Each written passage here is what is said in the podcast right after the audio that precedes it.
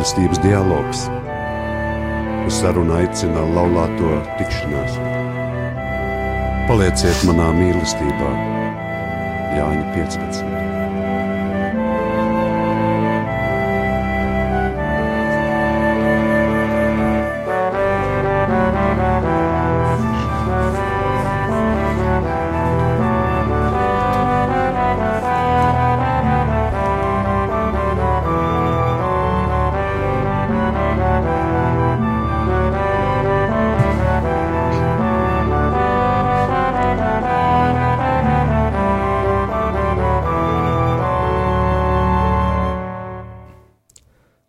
Cienījamie radiokamā arī klausītāji.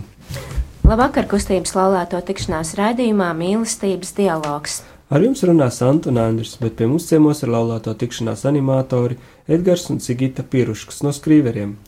Sigita un Edgars ir laulāti astoņus gadus, un lūgts jau raksturot, viņi citē priesteru Pēters Skudras teikto.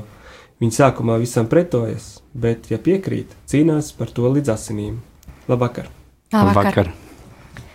Šovakar mēs runāsim par kādu īpašu tēmu, par pāvesta Franciska pamudinājumu, kas latviešu saucas mīlestības līgsmi. Šajā grāmatā, kas tagad pieejama arī latviešu valodā, apkopots atziņas pēc nesenajām laulībai un ģimenei veltītajām bīskapa sinodēm. Pāvests raksta par to, kā pieaugt laulāto mīlestībā, dziedināt greizsirdību, viņš arī pieskaras mīlestības auglīgumam, kā pieņemt jauno dzīvību, kā būt bērniem, veciem cilvēkiem, brāļiem un māsām, un citām ģimenēm svarīgām tēmām. Bet pirms mēs sākam runāt par šo pāvestu pamudinājumu, uh, izstāstiet lūdzu mazliet par sevi, Edgars un Sigita, kas jūs esat, no, no kurienes mēs jau tā kā pieminējām, bet ar ko, ko jūs darat ikdienā, ko jūs darat brīvajo, brīvajā laikā? Es joprojām esmu Edgars, un uh, savā nebrīvajā laikā, jeb darbā, es ražoju apmēram elektrību, un uh, Un, laikam, manā nebrīvajā laikā es mēģinu, pareizi sakot, brīvajā laikā es eh, mēģinu spēlēt ģitāru. Bet, uh, nu, laikam, lielākais mūsu ģimenes tāds uh, hobijs ir darbība kustībā Lalāto tikšanās. Jā, es esmu Sigita, un es, es savukārt esmu žurnāliste. Es rakstu, un, kā jau Edgars minēja, mēs darbojamies Lalāto tikšanās kustībā. Uh, Mēs esam laulāti astoņus gadus, bet ar laulāto tikšanās kustību mēs esam pazīstami jau deviņus gadus, jo mēs pirms laulībām gājām sadarināto un iemīlējušo tikšanās vakaros, uh, un uh, tā mēs iepazināmies ar šo kustību. Un toreiz mēs gribējām būt tā kā tie pāri, kas vada. Un tagad tas ir realizējies. Mēs esam tie, kas jaunos pārus gatavo laulībām, un arī esam tie, kas vada laulāto tikšanās rekolekcijas jau laulātajiem pāriem. Un nu ķersimies klāt šī vakara galvenajai tēmai - pāvesta pamudinājumam. Lūdzu, izstāstiet radio klausītājiem, kas vēl nav lasījuši šo grāmatu, par ko tā īsti ir. Um, es sākšu varbūt ar to, ka pirmo reizi es ar šo grāmatu iepazinos uh, radio Marijā Latvijā ēterā. Tas bija pirms gada, kad priesteris Pēters Skudra savās rīta katehēzēs uh, lasīju šo grāmatu. Pie viņa nāca ciemos vēl citi priesteri, nāca arī cilvēki, kas kalpo ģimenēm. Un tur vairāk mēnešu garumā šo grāmatu analizēja, runājot par tēmām, kas šeit ir aprakstīts, un tēmas tiešām ir brīnišķīgas. Tas skar ģimenes, pat ja tās nav kristiešu ģimenes vai tās nav laulātas ģimenes, bet vienkārši kopā dzīvo. Tēmas ir par mīlestību, par attiecībām ģimenēs, par bērnu audzināšanu, par piemēru mūsu bērniem, par kalpošanu ģimenēm, par, uh, par jebko, kas skar mūsu īstenībā ikdienu. Un, kad mēs lasījām šo grāmatu, likās, tas taču viss ir tik zināms, bet kāpēc mēs esam dažreiz tik nelaimīgi savās ģimenēs, kāpēc bērni ir nelaimīgi?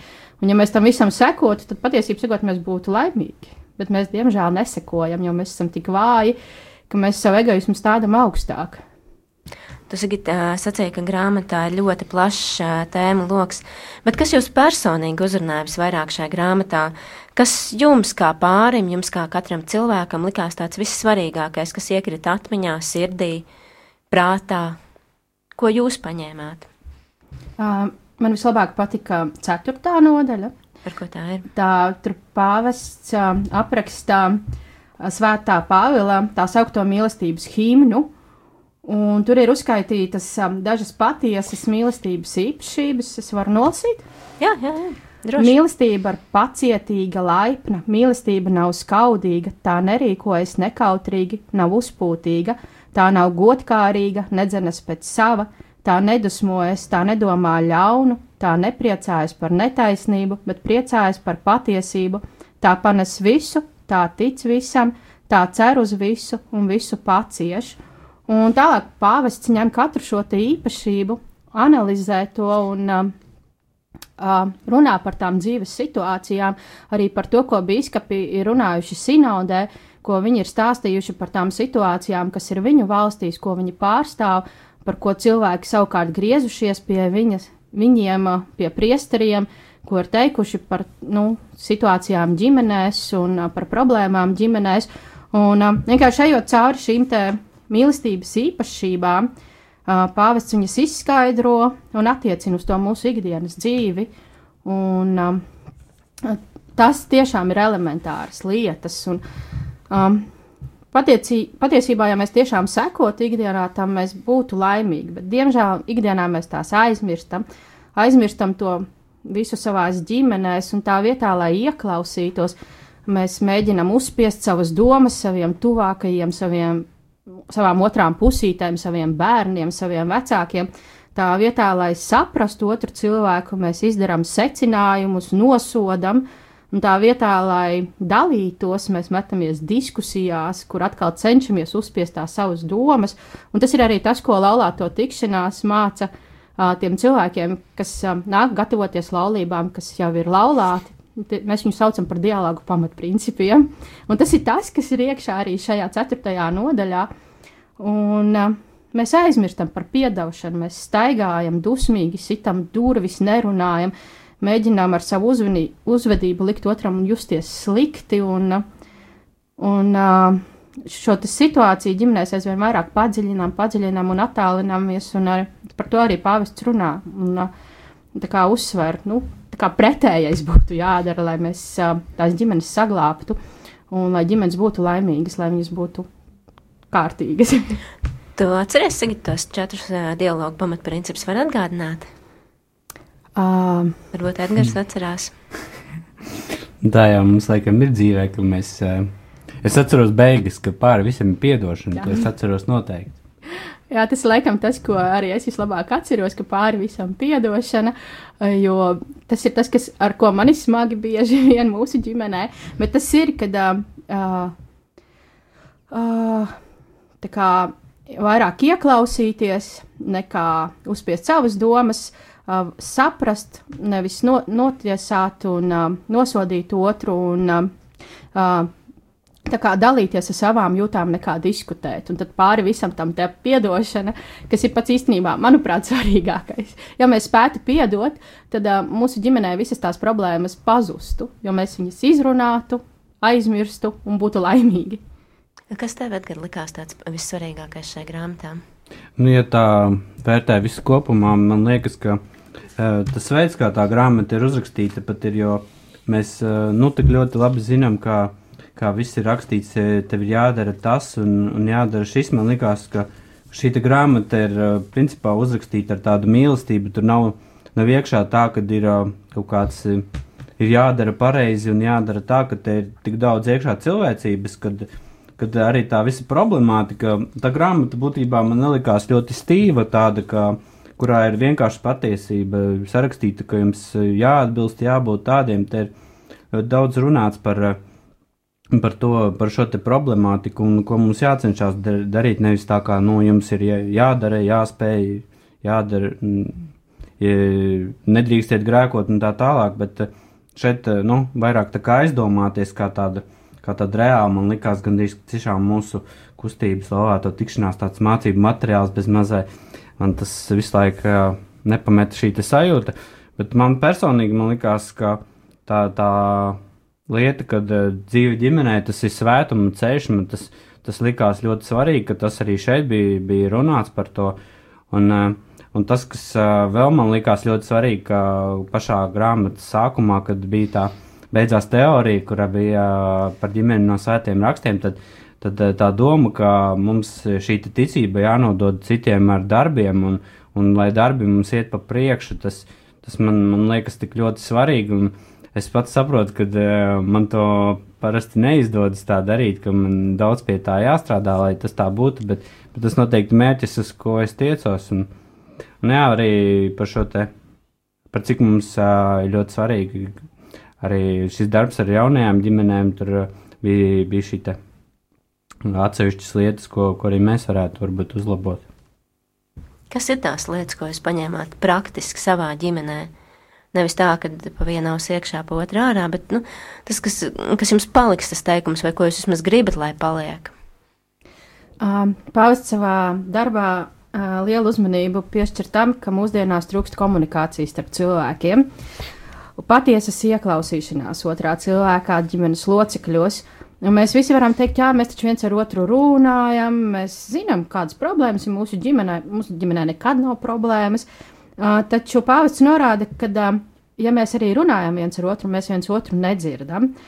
Un tāpēc tik bieži uh, priesteri, biskupi ir dzirdējuši tekstus, viņš mani nedzird, mani sajūta, ka viņš grib, lai es uh, ātrāk beidzu runāt. Uh, un pāvests aicina mūs uh, saskatīt uh, otru cilvēku, ieklausīties otrā cilvēkā, otra cilvēka svarīgumā, uh, Un uh, varbūt kādreiz arī noklusēt to, ko mums gribētos pateikt tam otram cilvēkam.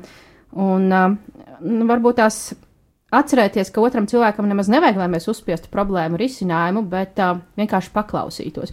Un tad es uh, domāju, jā, bet arī es ikdienā bieži vien, kad runāju ar Edgars, es paņemu rokās to telefonu un viņu tur šķirstu, vai mums uh, fonā skan kāds seriāls tur, vai, vai vienkārši kaut kādas savas domas. Uh, Bet tas ir tieši tas, ko pāvests saka, nolikt to savu telefonu, nolikt visu, paskatīties uz to savu otru cilvēku un uh, mēģināt sadzirdēt viņu. Jo dzirdēt jau mēs viņu dzirdam, bet saklausīt to, ko viņš saka, un saprast to, ko viņš saka. Un tā tiešām ir tāda, varbūt mūsu gadsimta lielākā problēma, kad uh, mēs tā pavirši attiecamies viens pret otru. Uh, Un tas ir tas, kas, jā, kas arī man ir jāmācās sadzirdēt, tas otrs cilvēks, pievērsties tam uh, otram cilvēkam, savam vīram un uh, nolikt visu, kas man ir apkārt, projām. Un mēs, piemēram, izmantojam tā, ka mēs citreiz pēc darba uh, ejam pastaigāties. Un tad, kad mēs pastaigājamies, mēs uh, varam viens ar otru kārtīgi izrunāties. Jo tad mums netraucē telefons, dators, televizors, mājas rūpes un viss. Tas ir laiks, ko mēs esam divi tā. Un, uh, tad arī mēs varam tā kārtīgi viens ar otru izrunāties un būt tā atvērti viens pret otru. Tas, jā, tas, tā ieklausīšanās tā man likās ļoti svarīga. Nu, jā, man liekas, likās svarīgākais tāds, ka, kad ir jātiek galā ar, ar sevi, pašam jāatrisina viss tas, kas, kas nepatīk otrā kaut kādā veidā, un, un tad tikai var ar pārmetumiem. Uh, pie, nu, tad es varu pārmest kaut ko Sigitai, kad es pats esmu no tā uh, tā, no šī vājuma vai, vai, vai netikuma vai, vai kaut kādas sliktas lietas, kas man nepatīk, viņā pats ticis vaļā. Tā man liekas lielākā atziņa. Cik jūs prāt šķiet pāvesta rakstītais ir aktuāls mūsdienu Latvijas ģimenēm? Es domāju, ka tas ir aktuāls, tāpēc, ka tur ir iekšā tās problēmas, kas, kas tiešām skar mūsu ģimenes, tā neieklausīšanās, vientulības sajūta ģimenē, bērni arī jūtas vientuļi. Mums šodien bija sprediķi un misē priesteris Mediņš, viņš arī par to runāja, cik ļoti patiesību sakot, mēs viens pret otru pavirši izturamies. Un šī grāmatā vismaz vairākas nodaļas par to runā, ka mēs viens otram esam kā paraugs. Mēs esam kā gan vīrs un sieva viens pret otru, un mēs esam pret, priekš bērniem paraugi. Un ja mēs uh, nesniedzam ar savu dzīvi, ar visu uh, šo liecību otram cilvēkam, tad patiesībā sakot, mūsu vārdi ir tukši. Un kaut vai šī ceturtā nodaļa, kas ir mīlestības himna, ja to izlasa un mēģina dzīvē ievērot. Tāpēc, ka tas nesenāks. Bet vismaz, ja mēs kaut cik nedaudz mēģinām, tad uh, tas jau uzlabotu mūsu dzīvi. Un arī tālāk, kur pāvests runā par bērnu audzināšanu, par bērnu skološanu, tur arī ļoti liels uzsvars tam paraugam um, tam, ko mēs varam dot ar savu piemēru, ar savu uzvedību, ar savu izturēšanos viens pret otru, un arī galvenais. Uh, mātes un tēva izturēšanās vienam pret otru, jo bērni to visu redz un viņi jau izdara savus secinājumus, un tad ir pilnīgi vienalga, ko mēs viens otram sakam. Um, un kā mēs audzinām bērnus, ja viņi redz, ka ģimenē viss notiek pilnīgi pretēji. Un tieši tas, es domāju, ka tieši tā vientulība ģimenē, cik tas būtu paradoxāli un uh, nerunāšana, tā ir tā viena no lielākajām problēmām, jo mēs katrs skrienam, skrienam un aizmirstam viens par otru beigās. Jā, man šķiet, ka būtībā šo grāmatu varētu lasīt arī nekristieši pilnībā. Teiksim, pirmo daļu, kur ir šis runa par ģimeni no svētajiem rakstiem, varbūt viņiem nebūs aktuāli, bet, bet man šķiet, vispārējais ir pilnībā lasāms arī. Un, un tas ir, manuprāt, ļoti laba liecība par šo grāmatu, cik tā ir aktuāla arī, arī mūsdienās. Visa tā problemātika tā nav no kaut kādiem seniem laikiem. Un, Un tā, tā, tā, manuprāt, ir ļoti aktuāla un, un dzīva arī šajā brīdī. Un šie izaicinājumi būs tikai lielāki nākotnē, nevis, nevis kaut kādā mērā pazudīs. Turmākajās minūtēs rādījumam arī klausītājiem būs iespēja noklausīties mūsu viesiem īpašu tūdu dziesmu. Kāpēc izvēlējāties tieši šo skaņdarbu? Šo skaņdarbu izvēlējos es. Uh, man šī dziesma ir ļoti tuva. Edgars uh, sākumā vēlējās citu dziesmu, bet nu, beigās mēs palikām pie šīs dziesmas. Uh, man viņa vienmēr ir bijusi ļoti tuva, bet arī šai dziesmai tāds īpašs stāsts, uh, ka šo dziesmu latviešu versijā gan uh, dziedāja mūsu kāzās. Un mūsu gāzes bija viens liels, liels stress. Uztraukumi, es domāju, ka lielākajai daļai pāru ša, tāds, tā kāzu diena paiet, bet tad, kad atskanēja šī dziesma, tad uh, manī iestājās tāds miers, uh, es sapratu, kur es atrodos, kas ar mani notiek. Un beigās izrādījās, ka šī dziesma, ko erģelniece pierunāja priesteri, lai atļautu viņai nospēlēt un viņas dēlam nodziedāt, tā bija mums dāvana no manas paziņas, kas mācīja erģelnieces dēlam vokālo mākslu. Tā kā jā, šī dziesma man vienmēr atmiņā asociēsies ar mūsu kāzu dienu. Klausāmies! I've heard there was a secret chord that David played and it pleased the Lord. But you don't really care for music, do you? Well, it goes like this the fourth, the fifth, the minor fall, the major lift, the baffled king composing hallelujah.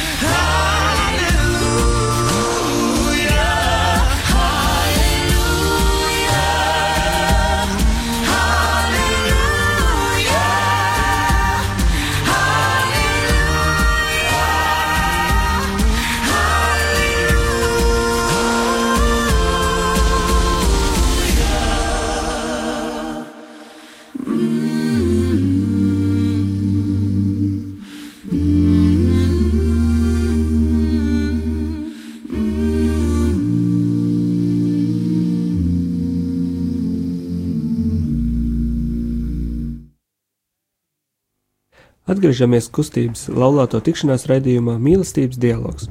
Kopā ar Sigitu un Edgars Piruškiem runājam par pāvesta pamudinājumu mīlestības līksmi. Pāvests un biskupi runā ne tikai par laulības gaišajiem un laimīgajiem brīžiem, bet arī grūtībām un sarežģītām situācijām. Kas jums, kā laulāto tikšanās animatoriem, šķiet tās pašas smagākās un aktuālākās ā, problēmas mūsu ģimenēs? Mēs jau runājām par to, ka tā ir tā nerunāšana un vienaldzība vienam pret otru. Bet vēl viena lieta, kas ir smaga, tas ir tas, ka laulība nav vērtība. Ja mums ir kādas problēmas, mēs pagriežamies un aizējām projām. Pēc dienas, pēc divām, citreiz pēc mēneša, bet varbūt citi šķirās pēc gadiem, bet tā nav vērtība. Un arī tas, ka jaunie pāri mm, nevēlas di dibināt ģimenes, uh, jo viņiem nav šī labā piemēra viņu ģimenēs bijis. Jo pāvests runā par to, ka mēs gatavojamies savai laulības dienai, savai nākamajai nu, ģimenei, tajā brīdī, kad mēs piedzimstam. Mēs augot ģimenē, gatavojamies tam, kāda būs mūsu nākamā laulība. Bet mēs bieži vien um, piedzimstam un augam um, nepilnīgās ģimenēs, kur ir tikai mamma, uh, vai mēs augam ģimenēs, kur ir uh, atkarību problēmas, vai mēs augam ģimenēs, kur vecāki it kā ir ideāls pāris, bet kas savā starpā vispār nerunā, dzīvo dažādās istabās. Mēs nākam no dažādām ģimenēm, un šis tas um, mūsu piemērs, ko mēs ņemam līdzi no šīs savas vecāku ģimenes, ir tas, kas ietekmē mūs. Un, uh, mēs jaunie pāri bieži vien arī nevēlas veidot šo jauno ģimeni. Arī biskupi par to runājuši sinodē, kad viņiem ģimene nav vērtība. Viņi saka, ka viņi negrib precēties, jo tāpat tā zina, ka izšķirsies. Un tas tas lielākais varbūt apdraudējums. Bet tas nav tāds kā bailes. Protams, Tā tās kā- ir bailes, tāpēc ka viņiem nav bijis tas labais piemērs. Un tāpēc bija, ka uh, Pāvests Francisks raksta par to, ka ir nepieciešama šī pastorālā kalpošana, ka, ka jābūt ģimenēm, kas ar savu piemēru palīdzētu šiem jauniešiem sagatavoties laulībai un arī pirmos gadus atbalstītu viņus šajā laulības dzīvē, tāpēc ka bieži vien pēc laulībām jaunieši pazūd no baznīcas.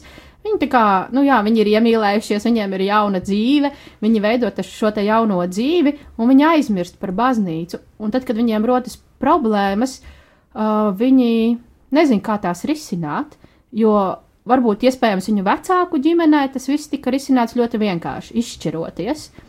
Un arī viņi tad jūtās nestabili. Un tad līdz ar to, priekš kam precēties, ja mēs izšķirsimies, tad padzīvosim kopā. Un, nu, kā sanāks, tā sanāks. Un, uh, mani kā animatori arī uzrunāja tas, ka uh, jābūt šim te atbalstam, jo arī mēs uh, savā brīvajā laikā darbojamies ar sadarinātajiem pāriem, mēs redzam, kādi viņi ir, kādi viņi atnāk, kādas ir viņu domas, un uh, mēs redzam arī, kā viņi mainās, un mēs ceram, ka tad, kad viņiem sāks radīties šīs problēmas, uh, viņi zinās, kur griezties. Nu, vienreiz mums tā arī viens pāris uzrakstīja, ka tas, ko viņi ieguva šajos sadarināto vakaros, viņi zinās, kam zvanīt, ja būs vajadzīga palīdzība. Un tad es domāju, nu, vismaz tik daudz viņi atcerās. un tas jau ir ļoti pozitīvi, jo uh, viņi, nu, es ceru, ka viņi arī tā darīs, ka jau vajadzēs. Jo mēs cenšamies tomēr tā skatīties, nu, tie mūsu pārīši, vai viņi nāk uz baznīcu, vai kā, ja satiekam, tad uh, parunājamies, kā iet, un tā. Tas ir ļoti svarīgi. Es domāju, viņiem tas palīdz, ka nu, viņus arī atcerās, un uh, kāds par viņiem tā kā uh, rūpējās. Un mēs arī ļoti cenšamies uh, lūgties, īpaši tajā uh, posmā, kamēr viņi nāk pie mums sadarināto vakarus. Mēs lūdzam, ies, lai Dievs palīdz viņiem um, saprast šo savu īsto aicinājumu un izdarīt pareizo izvēli. Un, um, jā, Kad, uh, jā, kad kaut ko Man gribēji? liekas, arī ja par problēmām mēs runājam, arī tomēr šīs te, uh, informācija, kas mums ir apkārt, uh, arī ļoti ietekmē cilvēkus vispār. Un, un līdz ar to mm, šobrīd ir, liekas, visa ēters pārpludināts ar dažādu informāciju, kad, kad uh, arī ģimene vairs nav tāda vērtība un, un visādi slikti piemēri. Un, uh, arī šeit uh, Pāvests Francisks saka, ka, piemēram, arī audzināšanā vecākiem ir uh, primārā loma, ka viņi nevar paļauties tikai uz skolu, ka tā pilnībā izaudzinās bērnu, ka viņiem tāpat ir sava atbildība, ka skola ir tikai viens no audzināšanas veidiem. Uh, un uh, būtībā tā ir viņu pilna atbildība audzināt bērnus. Tāpēc, uh, tāpēc uh, vecākiem ir jāizvērtē visi tie apstākļi. Mēs dzirdam daudzas problēmas, tagad, kas ir ar skolām. Un, bet, nu, jā, viņš arī tiešām uzsver to, ka vecākiem jābūt tiem, kas ir atbildīgi.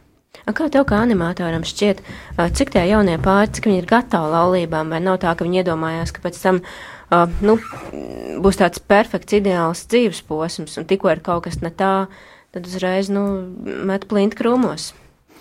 Ļoti grūti tā pateikt. Man liekas, tas ir ļoti dažādi. Es atceros sevi, un es galīgi nebiju tam gatavs. Un, un tāpēc es arī tā skatos uz viņiem, kad nu, es, es pieņemu to, ka man arī toreiz likās, ka nu, labi salāsies, un ar to viss arī beigsies. Es eh, nu, pilnīgi man nebija nekādas vajadzības pēc baznīcas. Tāpēc es eh, klusībā ceru, ka, ka tas, ko mēs darām, tas, tas ir ļoti svarīgi.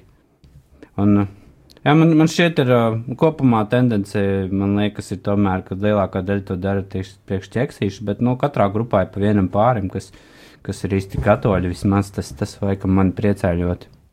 Nu, jūs runājat par tiem sadarinātiem daudz, bet kā ir ar tiem, kas brauc uz rekolekcijām? Tur, man liekas, cilvēkiem ir bijusi cita motivācija. Nu, kad viņi jau ir uh, kādus gadus pavadījuši laulībās, un tad, laulībā, un tad uh, dodas tā kā, nu, atgūties tā kā vēlreiz kaut kādu restartu. Ko jūs tur redzat? Un Patiesībā es teiktu, ka tur uh, ierodas divu veidu pāri. Tie ir pāri, kas uh, brauc, uh, varbūt uh, gūt tiešām kādu restartu, kādas pozitīvas emocijas savai laulībai, un tur brauc pāri, kas um, tiešām to izmanto kā pēdējo soli, lai glābtu savu laulību. Un vienmēr ir prieks par tiem pāriem, kuriem izdodas atrast šo kopīgo valodu. Um, un uh, atjaunot savas attiecības un saglabāt šo laulību. Un, um, tas ir tas, laikam, tas skaistākais, kad izdodas uh, viņiem Daudziem?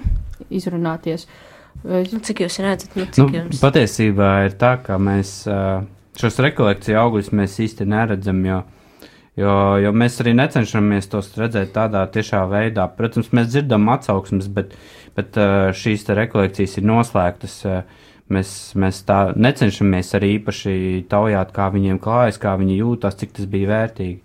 Bet vispatīkamākais mums laikam bija tas, kad, tad, kad mēs vadījām savas pirmās rekolekcijas, atbrauca viens pāris, kas tagad ir pievienojies mūsu kustībai, kas ir animatori un tādi labi mums paziņ, paziņas, ar kuriem mēs kontaktējamies un atbalstam viens otru arī grūtās situācijās. Nu, tas, laikam, tas, tas foršākais, jā, kad cilvēkus tas ir uzrunājis tik ļoti, kad viņi ir gatavi arī paši kalpot pēc tam uh, citām ģimenēm, uh, vadīt sadarināto grupas, uh, laulāto rekolekcijas un uh, ar savu piemēru liecināt um, citiem, runājot par uh, arī smagām tēmām, jo bieži vien mēs uh, arī savās liecībās runājam par tām problēmām, kas ir mūsu ģimenēs. Un tādējādi palīdzam tiem uh, cilvēkiem, kas ir atbraukuši atrisināt savas problēmas, saprast, ka viņi nav vienīgie, kuriem ir tās problēmas. Ka jā, rekur sēž tādi paši kā mēs, kuriem arī tādas pašas problēmas, un tad viss ir kārtībā, mēs varam tās pārvarēt.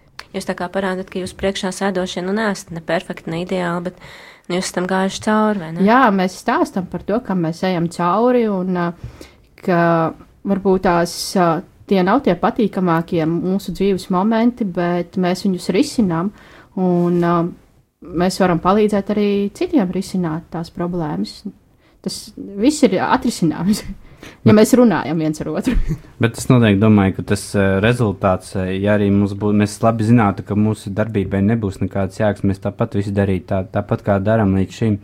Arī mēs, mēs to katrā ziņā nedaram te tā gandarījumu, ka mēs esam baigi kādu izlābuši vai, vai kādam briesmīgi palīdzējuši. Mēs to tomēr darām vienkārši Dieva godam. Atgriežoties nedaudz pie šīs dienas tēmas par grāmatu, vai kā jūs domājat, tā ir paredzēta tikai laulātiem, tikai katoļiem, vai un kāpēc jūs to ieteikt arī citiem izlasīt, iepazīties ar to? Es jau vispār iepriekš teicu, ka eh, šo grāmatu varētu rakstīt arī, eh, lasīt arī nekristieši. Varbūt pirmā nodaļa būs diezgan, diezgan tāda teorētiska un neuzrunājoša, bet, bet kopumā man šīs te eh, likās ļoti aktuāls tēmas. Arī, arī pāvis ļoti daudz vienā nodaļā runā par, par nesakramentālo laulību, par šiem cilvēku integrāciju, cik tas ir svarīgi arī, arī pašiem katoļiem, cik, cik svarīgi viņus uzņemt savā vidū un viņus uh, nediskriminēt. Tāpēc uh, man, man liekas, tas ir uh, derīgs visiem pilnīgi. Un īpaši būtu labi tos, šo grāmatu izlasīt sadarbinātajiem. Lai nobītos. Nevis lai Lai nobītos, iepazītos. bet tā, lai iepazītos un uh, uh, sagatavotos laulībām. Jo uh, pāvis arī runāja tad, kad par problēmām, kas ir saistītas ar um, laulību. Tad uh, viena no lietām bija tāda, ka uh, jaunieši min, ka viņiem ir bailes uh, vai nevēlas viņi laulāties, jo tas prasa daudz laika, daudz naudas, un visa tā nav. Un pāvis aicina iet ārpus šiem rāmjiem, rīkot vienkāršas kārtas, nevajag izgrūst tūkstošus, nevajag aicināt visus radus un trīs dienas rīkot svinības viesu mājās. Un tad, kad mēs atcerējāmies savas kārtas, tad mēs sapratām, ka jā, tas bija pārāk liels stress mums abiem, un uh, mēs no kārtām bijām vienkārši noguruši. Un, um, mēs tieši pirms pāris dienām runājām par šo tēmu, un Edgars teica, nē, nu darīt jau laikam tāpatās. Es teicu, nē, es laikam negribētu vairs tā darīt, jo salauzties var arī klusi un mierīgi, bez uh, milzīga burziņa, bet un, un tā laulība būs derīga. Jā, jo laulība jau tas ir skaistākais mirklis starp diviem cilvēkiem, uh, un nevajag uh, visu to. Tāpēc nav jābaidās par to, ka jūs nevarat salauzties, tāpēc ka jums nav naudas. Uh, jā. Raidījuma noslēgumā lūksim Edgars nolasīt laulāto tikšanās lūkšanu. Kungs, Jēzu, es lūdzu tevi dialogu dāvanu mūsu laulībai. Palīdzi man vēl labāk ieklausīties manā sievā, palīdzi mums apusēji labāk iepazīt vienam otru, dalīties vienam ar otru, piedot viens otram.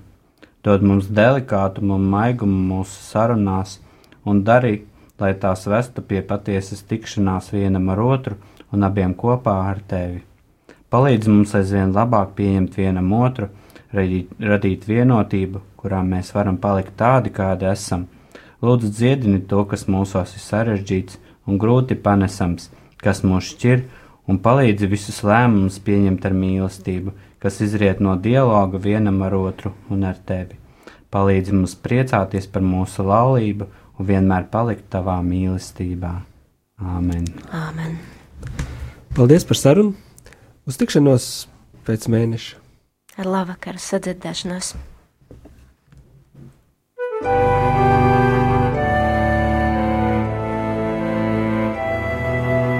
Mīlestības dialogs.